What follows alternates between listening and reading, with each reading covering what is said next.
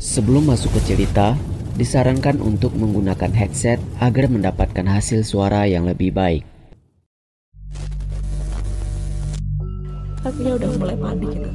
Itu ada di kamar. Assalamualaikum warahmatullahi wabarakatuh. Perkenalkan nama aku Syahri.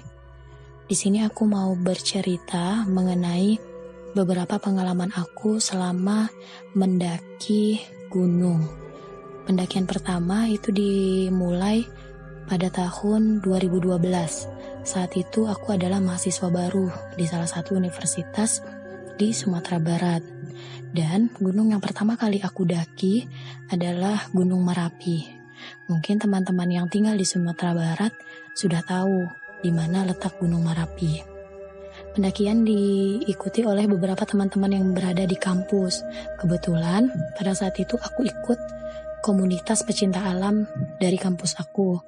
Dan akhirnya sudah ditentukan waktu dan kami pun berangkat. Senior mengatakan bagaimana mempersiapkan sesuatu baik itu mental, fisik, ataupun segala kebutuhan diri sendiri. Nah, kebetulan pada saat itu aku sedang menstruasi dan itu menstruasinya kemungkinan udah hampir selesai. Hanya saja untuk persiapan aku tetap membawa pembalut karena takut uh, di sana nanti ada masalah. Sebelum berangkat aku sudah mengatakan kepada senior kalau aku sedang mengalami menstruasi. Nah, karena senior mengizinkan, akhirnya aku ikut tetap ikut mendaki. Sebelum berangkat, sebelum memulai mendaki, kami berdoa bersama-sama dan briefing sebentar. Di ber, di briefing itu uh, senior mengatakan bahwa nanti selama di dalam perjalanan, selama berada di puncak atau apa pun itu, apa pun yang dirasakan yang dan dilihat, baik yang bisa terlihat ataupun tidak terlihat, contohnya makhluk halus, tolong tidak disampaikan kepada teman-teman. Jadi, ketika turun, kita akan balik berkumpul dan di situ baru boleh mengatakan apa pun yang kita lihat dan kita rasakan selama mendaki. Kebetulan kami mendaki pada saat malam hari dan selama mendaki aku selalu mendaki pada malam hari. Awalnya aku merasa takut, cuman karena rame-rame akhirnya aku merasa biasa aja. Satu jam, dua jam perjalanan, uh, aku tidak merasakan apa pun. Sampai ketika kami disuruh break atau istirahat, dan pada saat itu aku sedang duduk dan tiba-tiba ketika aku melihat ke atas, nah waktu aku lihat ke atas, entah karena lagi capek atau gimana, aku ngelihat kayak, sumpah merinding. Aku lihat kayak ada bayangan, bukan bayangan sih, dia kayak uh, uh, terbang gitu, tapi warna putih. Terus lewat lewat bentar banget, lewat sekilas aja, cuma dia jelas banget. Nah karena aku Ingat kata senior aku ketika kami briefing, apa pun yang dilihat tolong diam. Akhirnya aku diam, aku bener-bener diam seribu bahasa selama perjalanan masih mikir itu bener nggak ya, itu apa ya kayak gitu.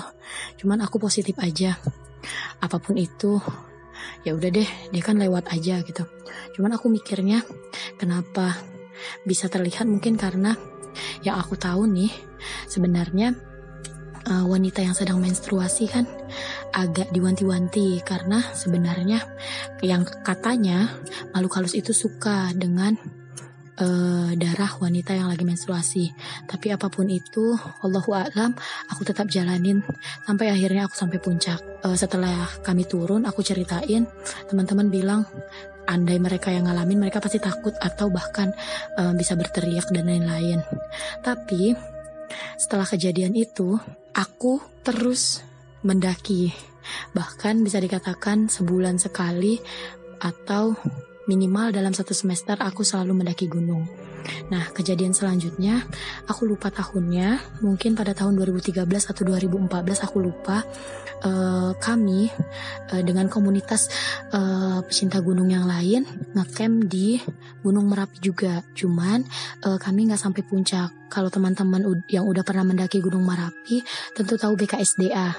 Jarak antara pos di bawah dengan BKSDA itu sekitar satu jam. Jadi kami hanya ngecamp uh, tidur di sana uh, seperti itu, nggak sampai ke puncak.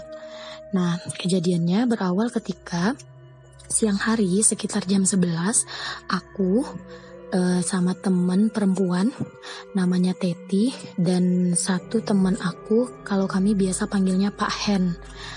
Kami bertiga pergi ke belakang BKSDA. Kebetulan di belakang itu ada jalan setapak. Sebenarnya kami penasaran itu jalannya ke mana. Nah karena penasaran kami jalanin terus bertiga.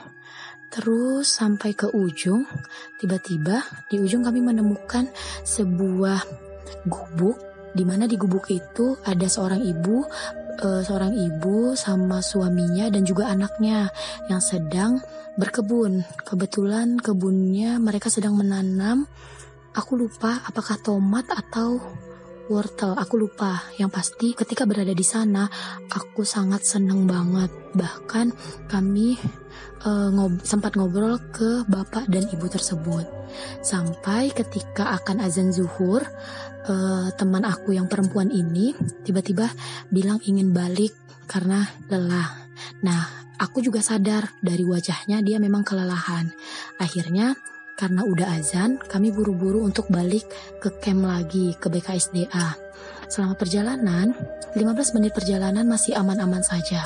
Tiba-tiba, karena kebetulan aku paling belakang dan teman aku di tengah dan Pak Hen di paling depan, aku lihat dengan mata kepala aku, teman aku pingsan, jatuh. Awalnya aku mikir dia masih benar kelelahan. Akhirnya dia digendong oleh Pak Hen dan sampai di camp, akhirnya kami bangunin. Ketika kami bangunin, beliau langsung teriak-teriak. Benar-benar teriak. Benar-benar teriak yang yang menurut aku itu bukan suara manusia. Kalau bisa dibilang itu seperti suara harimau yang sedang mengaum kencang di mana matanya sang mata teman aku ini benar-benar sangat lebar terus tangannya itu seperti sedang ingin mencakar akhirnya bahkan empat laki-laki memegang beliau itu tidak kuat sampai uh, semuanya itu kelelahan. Nah, karena kami merasa ini sudah tidak aman, kebetulan ada bapak-bapak yang lewat, kami minta tolong untuk menyadarkan beliau. Uh, akhirnya uh, beliau sempat uh, berbicara. Teman aku yang perempuan ini sempat bilang kalau kami harus pergi dari situ. Karena yang masuk di tubuh teman aku ini adalah penjaga yang katanya adalah penjaga eh, BKSDA tersebut. Uh, kalau dalam bahasa Minang, beliau adalah inya-inya, inya harimau. Aku lupa. Yang pasti itu sangat menyeramkan. Teman aku sampai uh, dibawa ke pos paling bawah, pos Merapi. Kalau teman-teman tahu itu aku lupa tempatnya di mana. Yang pasti uh, teman aku ini sampai dibawa ke sebuah pos uh, di situ tempat untuk me melihat kondisi Merapi. Aku lupa apa namanya. Yang pasti uh, teman aku ini sampai 24 jam tidak sadar dan uh, berada di pos tersebut. Kami sudah mulai cemas bingung apa yang harus dilakukan. Udah minta beberapa orang untuk menyadarkan. Uh, sebentar-sebentar beliau teriak, terus sadar kembali, terus teriak lagi. Katanya di dalam tubuh beliau uh, masuk uh, makhluk halus, yaitu penguasa BKSDA dan ada juga seorang perempuan yang katanya namanya adalah Sarah. Sebenarnya aku sedikit lucu ketika uh, makhluk halus yang bernama Sarah ini masuk ke tubuh beliau karena Sarah ini bisa diajak bercerita bahkan bisa diajak tertawa. Cuman tetap saja hal itu harus dihilangkan. 24 jam berada di pos, akhirnya kami memutuskan untuk membawa teman aku ini ke kosan. Akhirnya aku Dan satu teman aku tidur dengan beliau.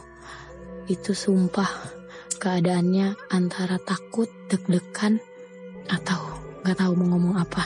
Yang pasti kami pasrah. Kami banyak-banyak berpikir positif aja.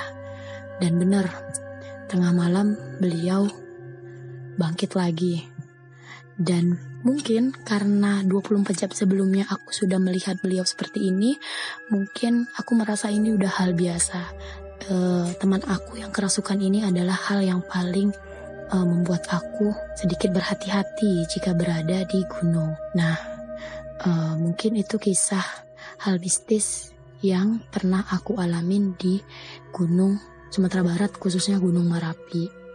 Semoga dari cerita ini teman-teman dapat mengambil pelajaran bahwa apa pun yang kita lakukan di luar sana, mohon untuk tidak berperilaku berlebihan atau mengganggu sesama makhluk yang ada di dunia ini.